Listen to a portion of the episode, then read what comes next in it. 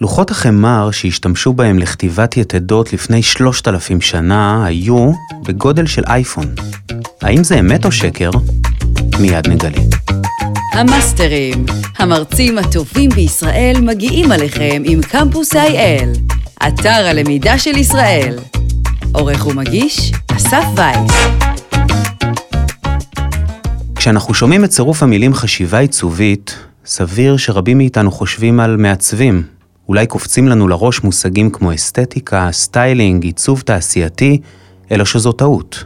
רובנו נופתע אולי לגלות שחשיבה עיצובית רלוונטית לכולנו. שלום לפרופסור עזרי טרזי. שלום.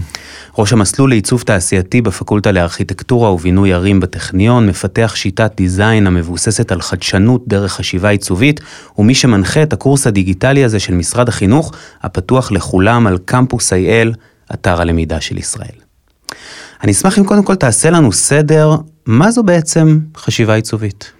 חשיבה עיצובית היא מתודה שהתפתחה אה, והפכה להיות אחת המתודות המובילות אה, בעולם בתחום של חדשנות, בהקשר של פיתוח מוצרים ושירותים אה, עבור בני אדם. הסיבה המרכזית למתודה הזאת ולהצלחה הגדולה שלה, היא העובדה שלמעשה מתודות שהגיעו מעולם ההנדסה, גילו את הפער בין פיתוח מוצר טכנולוגי מצליח, עובד, שאף אחד לא רוצה אותו, לבין מוצר טכנולוגי עובד שאנשים מאוד רוצים אותו. והפער וההבדל התמצא בתהליך. והתהליך הזה בעצם גובש לאורך השנים אה, לסוג של אה, תורה. אה, הייתי אומר תורה כמעט לא כתובה, כי יש לה הרבה מאוד גרסאות, שבעצם מרכזת פנימה את התהליכים שמצליחים לטייב את חוויית המשתמש. וכמובן את התשוקה של המשתמש או המשתמשת למוצר הטכנולוגי או לשירות הטכנולוגי, ובעצם אה, הופך את זה להצלחה או כישלון. אני מבין. אז אם אנחנו מדברים על, על לשים בפוקוס את חוויית המשתמש, אז בעצם זו מתודולוגיה שרלוונטית למגוון תחומי עיסוק. לא יודע, נגר, פסיכולוגית, יועצת פיננסית, מורה, לכולם זה מתאים? לכל אחד שרוצה לפתח משהו חדש. זאת אומרת, אם אה, אה, מורה לצורך העניין רוצה לפתח תוכנית לימודים חדשה למשרד החינוך, יכולה בהחלט לקחת את המתודה של אה, דיזיין ולעבוד על פי השלבים שבה. אמ, אני אשמח אם תספר טיפה איך אתה הגעת לתחום ואולי טיפה על ה, באמת על ההיסטוריה שלו. ההיסטוריה של דיזיין uh, תינקינג, חשיבה עיצובית, uh, החל מתוך העובדה שחוקרים באקדמיה, בעולם של uh, עיצוב והנדסה, התחילו להבין שמעצבים ומעצבות חושבים אחרת. בשונה, בעיקר באוניברסיטאות טכנולוגיות, בשונה מהתהליך ש... או הצורה שחושבים uh, מהנדסים ומהנדסות. ובאופן כללי התחילו לגבש את השוני הזה. מהו השוני הזה? לדוגמה, ראייה תהליכית של 1, 2, 3, 4, לעומת תהל, אה, תהליך שהוא מרחבי, שהוא ראייה מרחבית, כשכל הדברים האלה צריכים לעבוד כל הזמן יחד מהרגע הראשון. זו דוגמה אחת. אה, התחום אה, של חשיבה ויזואלית, ואיך חשיבה ויזואלית מסייעת לקלוט אינטואיטיבית דברים שבדרך כלל כשאנחנו חושבים בטבלאות, אנחנו, אה, או בשורות, אנחנו פחות קולטים בצורה אינטואיטיבית. זה רק כמה דוגמאות. Mm-hmm. ולאט לאט החשיבה הזאת התחילה לחלחל ולהתפתח באזורים של, שבהם פותחו טכנולוגיות חדשות. בעיקר, בעיקר הייתי אומר באזור של קליפורניה והסיליקון וואלי. אה, אני נפגשתי בתהליכים האלה כשהתחלתי לעבוד אה, בסניף של אה, חברת IDO בישראל, שהוקם בשנת 98, 1998, וחלק מהשלד של חברת IDO היה תהליך שנלקח מתוך סטנפורד, ועבר בעצם לחברה, והשתכלל בתוכה. אה, גובש על ידי כמובן תיאורטיקנים מחוץ ל-IDO, אבל גם בתוך ה-IDO, אנשים כמו פרופסור ברי כץ לדוגמה מסטנפורד, שעבד גם ב-IDO, ואנשים אחרים. אה, ויצא לי להיווכח עד כמה התהליך הזה הוא תהליך אה, משמעותי וחשוב בפיתוח מוצרים ושירותים. ולאחר מכן שכללתי את השיטה, ראיתי בה הרבה מאוד חורים. וכשהתחלתי לעבוד ולרכז את מרכז החדשנות של אה, חברת אה, קבוצת כתר, D-Vision, בעצם אה, פיתחתי את השיטה בצורה הרבה יותר משוכללת, הכנסתי פנימה מרכיבים מתוך Lean Startup ומרכיבים מתוך Agile, ויצרתי בעצם שיטה מבוססת על שבעה שלבים. אז אה, בואו באמת אה, נרד אה, יותר לתכלס. דיברנו על משתמש במרכז, אם אנחנו צוללים לשיטת design שאתה פיתחת, אם תוכל להסביר באמת יותר בפירוט, מה השלבים שמרכיבים את מעגל החשיבה העיצובית. אז ראשית, בתור תהליך חדשנות, אנחנו תמיד הולכים אל הלא נודע. אם זה היה ידוע, אז חדשנות הייתה נטולת סיכונים. אה, גם לא מעניינת, לא וגם, מחדשת. וגם לא מעניינת, והיא הייתה גם קלה לביצוע. אה, אבל אנחנו רואים שתהליך חדשנות באופן כללי הוא תהליך אל הלא נודע. אה, בחברה שבה יש כבר הרבה מאוד מוצרים באותו התחום, לעשות חדשנות שהיא קפיצת מדרגה קטנה, שיפורים, זה דבר יחסית קל, וניתן גם לכמת אותו וגם לנבא אותו. גם אז אנחנו רואים חברות שנכשלות. אבל בוודאי כאשר אנחנו רואים שיבוש של השוק, ביום שאנחנו רואים מוצר שהוא קטגוריה בפני עצמה, מאוד מאוד קשה לנבא הצלחה, והכישלונות הם כישלונות מהדהדים.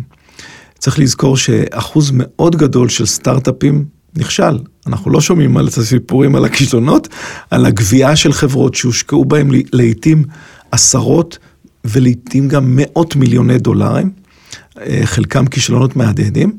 אנחנו שומעים בעיקר על ההצלחות, אבל 90% מהסטארט-אפים לא עוברים את, ה, את השנה החמישית להיווסדם. אה, בטח ובטח את השנה השנייה אנחנו רואים אה, קושי לחצות. זאת אומרת, אנחנו רוצים להקטין את הסיכונים בתהליכי חדשנות, אם זה בחדשנות טכנולוגית, אם זה בחדשנות ארגונית, וההקטנה של הסיכון היא באמצעות מתודה מסודרת. אם אני אעבור למתודה עצמה, היא מתודה שמבוססת על מטאפורה חקלאית.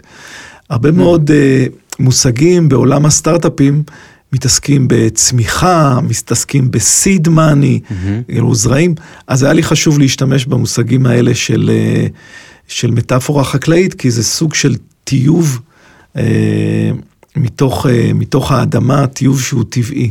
ויש בקודים הטבעיים הרבה מאוד דברים שיש להם הרבה היגיון. ולמעשה התהליך מתחיל בחריש, והוא כבר משבש את התהליך הרגיל שאנחנו רגילים לפגוש, זה אנחנו מתחילים מרעיון. התהליך שלנו לא מתחיל מרעיון, הוא מתחיל מחריש. או יש, יש לך רעיון, זה מצוין, או יש לך רעיון, אבל בואי שימי אותו בצד, אל תתאהבי בו, ממה הוא נבע הרעיון הזה, על איזה בסיס הוא יושב. אוקיי, הוא, בסיס, הוא של הצורך, ואז כשיש בסיס של צורך אנחנו מתחילים תהליך של חריש, לחרוש עמוק את השדה של הצורך באותה טריטוריה, לגדר את, ה, את השדה בצורה מדויקת, מה אנחנו הולכים לעשות ומה אנחנו הולכים לא לעשות, ואנחנו מדייקים יותר את המשימה באותו תהליך של החריש. אחרי אנחנו עוברים לתהליך שנקרא זריעה, אנחנו בודקים את ה-DNA של אותו, אותו צורך. מה מרכיב את ה-DNA הזה? יורדים לעומק לצורכי המשתמש, הבנת המשתמש, אני אומר המשתמש זה כמובן גם משתמשת, אה, ומדייקים את ה-DNA של הדבר, גם מההיבט הטכנולוגי שלו, גם מההיבט החומרי, גם מההיבט ה... אה, של בעלי העניין, הסטייק הולדרס באותו דבר, וכשהכול מדויק לנו, אנחנו עוברים לתהליך של אה, נביטה, שזה mm-hmm. תהליך ש... יש הרבה מאוד זרעים, הרבה מאוד נבטים. במקום להיתקע עם רעיון אחד, אנחנו מייצרים הרבה מאוד רעיונות בכמות גדולה, אה, בתהליך של אה, נטול שיפוטיות. תהליך שמאוד קשה לייצר אותו בארגונים ישראלים, שכולם יש להם דעה, אבל אנחנו יוצרים תהליך שבו אין שיפוטיות באותו שלב, ואז לוקחים ומצמצמים את זה לשלב שנקרא הנצה, תחילת הפרח, שבו הוא שלב שאנחנו בעצם רוצים לראות בצורה ויזואלית מוחשית את ההתנעה של הקונספט של הרעיון, מרעיון לקונספט. בצורה מוחשית, על מנת לבדוק את זה כבר עם משתמשים. אז אנחנו הולכים עם, ה, עם הניצן הזה, ההתחלה של הפרח למשתמשים, בודקים את זה. אחרי סינון של אה, קונספטים, אנחנו מגבשים את זה ל prototype ראשון בשלב הפריחה. שלב ההבשלה, אנחנו עוברים לתכנון ופיתוח המוצר או השירות בצורה אה, הרבה יותר יסודית, ובנקודה שזה good enough, שזה מספיק טוב, אנחנו יוצאים לשוק. Mm-hmm. ואז אנחנו מתחילים את תהליך הקציר, שהוא שלב של, שוב, של קבלת משוב מהשוק, אה, בצורה איטרטיבית, בצורה שהיא בעצם הלוך וחזור, על מנת לטייב את המוצר כבר בשלב הראשון של היציאה לשוק עם משתמשים אמיתיים. זאת אומרת, מהשלב השלישי בתהליך אנחנו כבר פוגשים משתמשים ומשתמשות. כבר מקבלים על זה פידבק, כבר יודעים לה, אה, פחות או יותר לאן המוצר או השירות הזה פוגעים או לא פוגעים, ואם לא, עושים מה שקרוי בשלב ה-lean startup pivot, אנחנו עושים שינוי אה, ועוברים חזרה לשלב ה... נביטה ועושים תהליך אה, של חזרה לקונספט חדש וכולי. Mm-hmm. עכשיו, איך זה שונה משל... מתהליכים הנדסיים רגילים?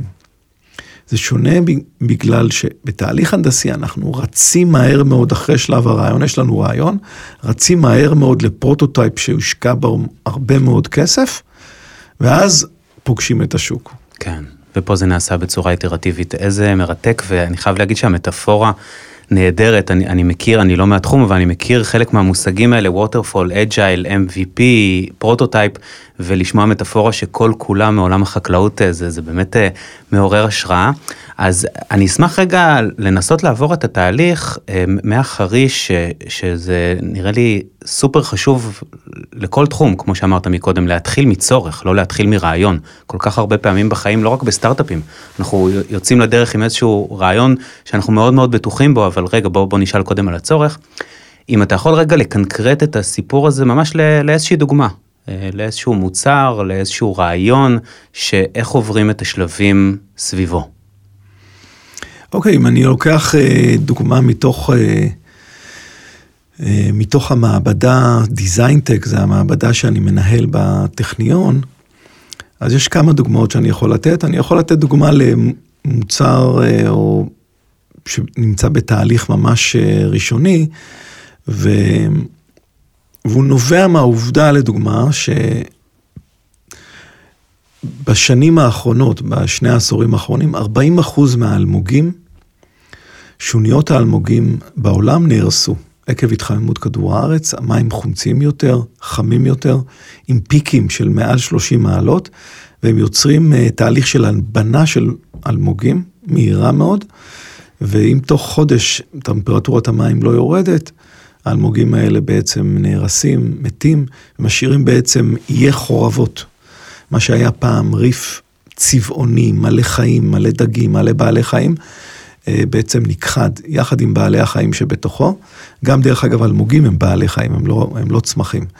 ולמעשה הצורך הזה, שכבן אדם שחווה את המים, צולל הרבה מאוד שנים, קרוב ל-40 שנה, אז אה, החוויה הזאת של לראות מקומות שנהרסו הייתה מאוד קשה, ונשאל הצורך, אה, הצורך היה ברור, איך אפשר לסייע, אה, לשקם אה, מקומות מהסוג הזה. אפשר להמתין עוד 20 אלף שנה והמקום הזה אולי ישתקם, אבל אם אנחנו רוצים לעזור לו להשתקם מהר יותר, מה אפשר לעזור? וישר התחבר בראשי הנושא הזה של הדפסה, הדפסה תלת-ממדית, והאפשרות לייצר מגוון ו, ומורכבות אה, באמצעות הדפסה תלת-ממדית. רכשתי למעבדה מדפסת בגובה חמישה מטרים, ארבעה, ארבעה וחצי מטרים, שיכולה להדפיס שוניות אלמוגים מקרמיקה טבעית. וואו. ולמעשה אנחנו כבר שנתיים וחצי עם אה, שונית כזאת מודפסת בחוף קצא באילת, שהחוויה של לפני שבוע לבקר בה ולצלם אותה בווידאו הייתה מדהימה, פשוט המקום שוקק חיים.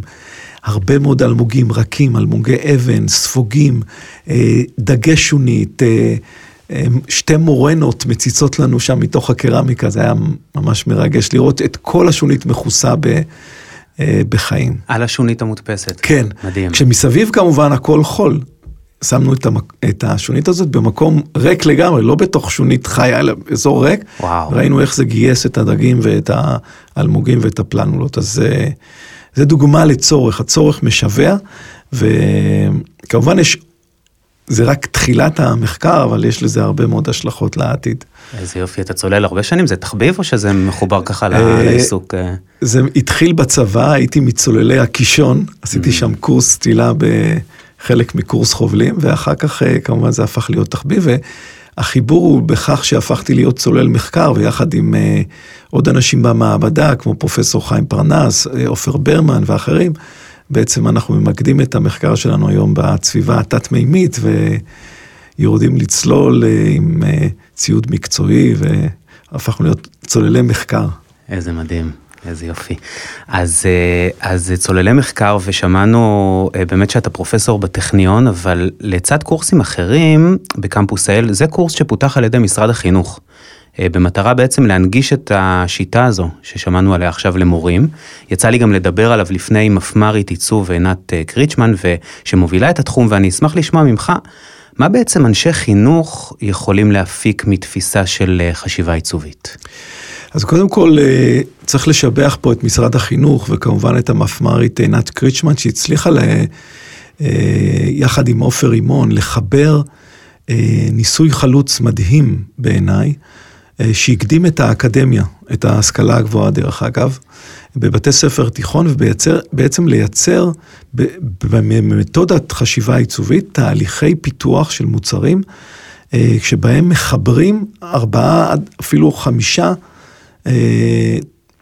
סוגי תלמידים ממגמות שונות, מגמת עיצוב כמובן, אבל אליהם מחוברים מגמת מכטרוניקה, מגמת אלקטרוניקה, מגמת מחשבים, מגמת אה, אה, מכונות, ובעצם מפתחים ביחד בצוות רב-תחומי מוצרים.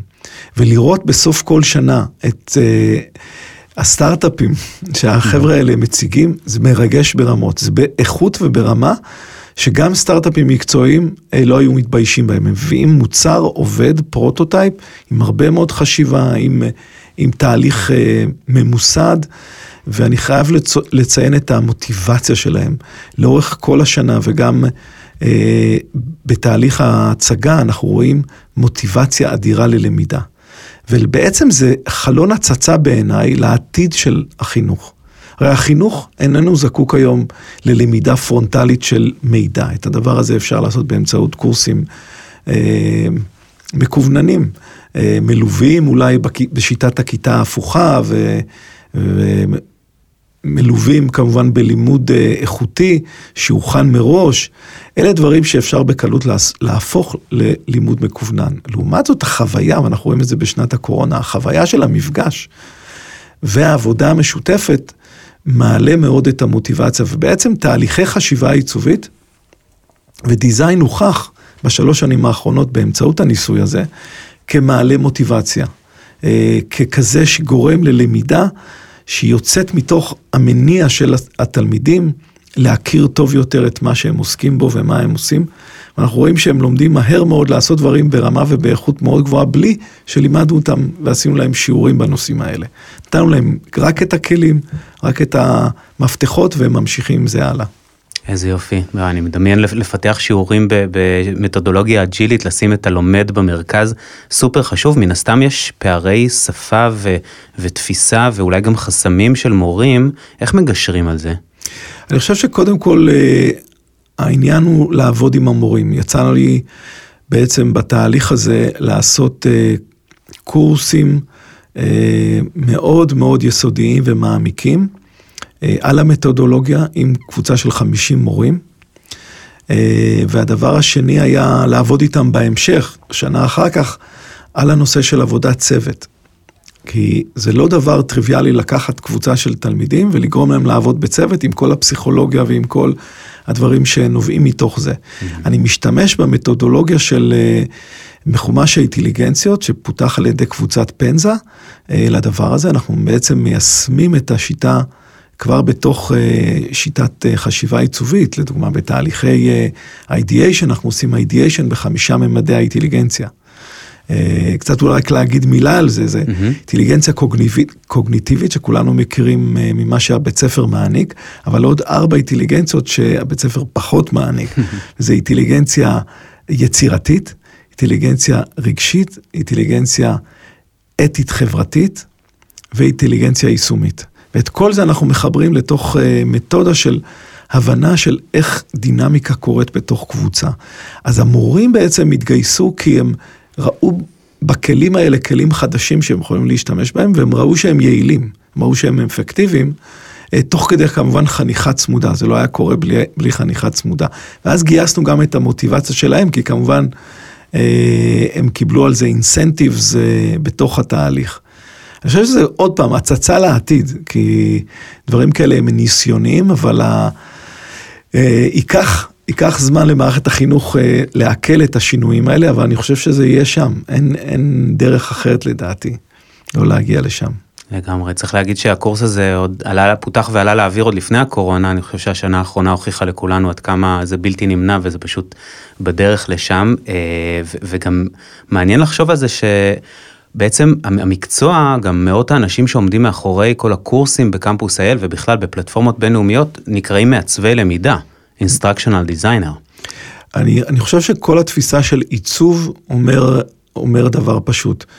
אה, תכנון שהוא קוהרנטי והוליסטי, שרואה את כל הדברים בו זמנית למען משימה. אה, אפשר לקחת את זה מכל מוצר שאנחנו מכירים, אם המוצר הוא לא מגיב אסתטית, לדוגמה, לתפיסה הרגשית שלנו ולזהות שלנו, פונקציונלית לאינטליגנציה היישומית שלנו, אה, לאתיקה שלנו, והוא לא שומר על הפרטיות שלנו ועל החששות הבסיסיים שלנו לחדירה לפרטיות, ואם הוא לא, הוא לא ממש משפר אה, את הפונקציונליות, אבל מצד שני גם גורם לנו קצת להשראה. אה, לעובדה שהוא חדש, לעובדה שהוא מרגש, לעובדה שהוא אה, יוצר לנו איזושהי השראה לעתיד. אז אם כל הדברים לא קורים בו זמנית, וחסר מרכיב אחד, אז אנחנו מבינים שיש פה בעיה. זאת אומרת, עיצוב העתיד מביא לתוך התמונה הרבה מאוד מרכיבים מתוך התפיסות האלה כתפיסה הוליסטית. איזה מרתק. טוב, יש לנו חוב מההתחלה עם האמת ושקר, המתח בעיצומו, אבל לפני כן, לפני כן נזכיר שכל מה שדיברנו עד עכשיו זה בעצם רק הצצה קצרה, טעימה קטנה מהקורס העשיר דיזיין חדשנות דרך חשיבה עיצובית של משרד החינוך, הוא פותח במסגרת פרויקט ג'מטק, למידה בינתחומית בחינוך הטכנולוגי בהובלת מפמ"רית עיצוב עינת קריצ'מן. הקורס פתוח לכולם בחינם, כן, על קמפוס אייל, אתר הלמידה של ישראל, בהובלת מטה ישראל דיגיטלית במשרד הדיגיטל הלאומי והמועצה להשכלה גבוהה. כחצי מיליון לומדים כבר נהנים מכל הקורסים האלה והכל בזמן, במקום ובקצב שלהם. אתם מוזמנים להיכנס לקמפוס.gov.il. נגיד גם תודה רבה לארנון פרידמן, דנית בן ארי ושירה אמיר, ואם אתם רוצים לקבל התראות על פרקים חדשים של הפודקאסט, כל פרק בעצם אנחנו צוללים לקורס מרתק אחר, אתם מוזמנים לעקוב וכמובן גם לדרג ולשתף. ובכן, לוחות החמר לפני שלושת אלפים שנה, אכן בגודל של אייפון? אכן בגודל של אייפון, מי שרוצה יכול לבקר במוזיאון ישראל ולראות את לוחות החמר האלה מוצגים באגף ההיסטורי. בעצם הכתב הראשון בעולם מתבצע על ידי אה, חתיכת עץ שבעצם מונחת בצורות שונות על גבי לוח חמר שמוחזק בכף היד. כף היד שלנו לא השתנתה. ולכן הניסיונות לעשות דברים בגדלים אחרים לא צלחו, וכשהגיע הגודל המתאים, הוא בדיוק היה בגודל לוח, לוח החמר האגדי. איזה מדהים. טוב, ומפה ברשותך נשגר תחינה לטים קוק, שיחזרו כבר לגודל הסטנדרטי ויפסיקו לייצר סמארטפונים בגודל של אייפד, או, או יותר נכון מטקה של פינג פונג. אולי לספר עוד משהו, אנחנו באמצעות פרויקט החדשנות האירופאי, תרגמנו את הקורס הזה לאנגלית, וזה נקרא EIT, ובאמצעות זה גם אנשים שהם לא דוברי עברית יכולים לעבור ולחוות את הקורס הזה במתורגם לחלוטין, וכרגע קבוצות גדולות מאירופה עושים את זה אה, דרך התרגום. איזה יופי. טוב, לסיום השאלה הקבועה, אנחנו בקמפוס האל אה, פריקים של למידה, ולמדנו הרבה בחצי שעה האחרונה, ואני רוצה שתשתף אותנו במשהו שאתה למדת לאחרונה, ואם אפשר דווקא בעולמות תוכן שלא בהכרח בתחום העיסוק שלך. וואה, זה התקלה, אבל אני אומר שאני חושב שהדבר שמתגבש יותר ויותר, זה העובדה שאנחנו בתקופה הזאת רואים את ההליכה הזאת אל הלא נודע שדיברתי עליה בתחילת השיחה, כמרכיב מרכזי ביכולות של כל אחד ואחד מאיתנו להתקדם ולהבין ולחיות בזמן הזה. ויש הרבה מאוד מרכיבים שאני יכול לדבר עליהם, עליהם שלמדתי, אבל מרכיב אחד שאני יכול לציין שלמדתי באחרונה, זה הנושא של חשיבה ניטרלית. אנחנו מאוד מאוד אה, מנסים לדבר איתנו על חשיבה חיובית כמנוע משמעותי וחשוב, וכמובן אה, חשיבה שלילית, שהיא מנוע שמתריע בפני אה, יותר מדי סכנות, ואז הוא מקפיא אותנו. אה, ואחד הדברים שלמדתי בזמן האחרון זה הנושא של להיות ניטרלי. בגלל שאתה כן צריך להחזיק בתסריטים הגרועים, כי הנה, יש לנו תסריט של שנה שלמה בתוך מגפה, שאף אחד לא דמיין או מעטים דמיינו, ולעומת זה, יש לזה גם benefits, יש לזה גם יתרונות. אז הנקודה הזאת של חשיבה ניטרלית זה משהו שלמדתי בתקופה האחרונה כדבר מאוד מאוד חשוב. לא להיסחף אחרי חשיבה חיובית ולא אחרי חשיבה שלילית. הולכים אל הלא נודע, פרופסור עזר טרזי, ראש המסלול לעיצוב תעשייתי בפקולטה לארכיטקטורה ובינוי ערים בטכניון, היה מרתק, תודה רבה לך. המאסטרים, המרצים הטובים בישראל מגיעים עליכם עם קמפוס IL, אתר הלמידה של ישראל. עורך ומגיש, אסף וייס.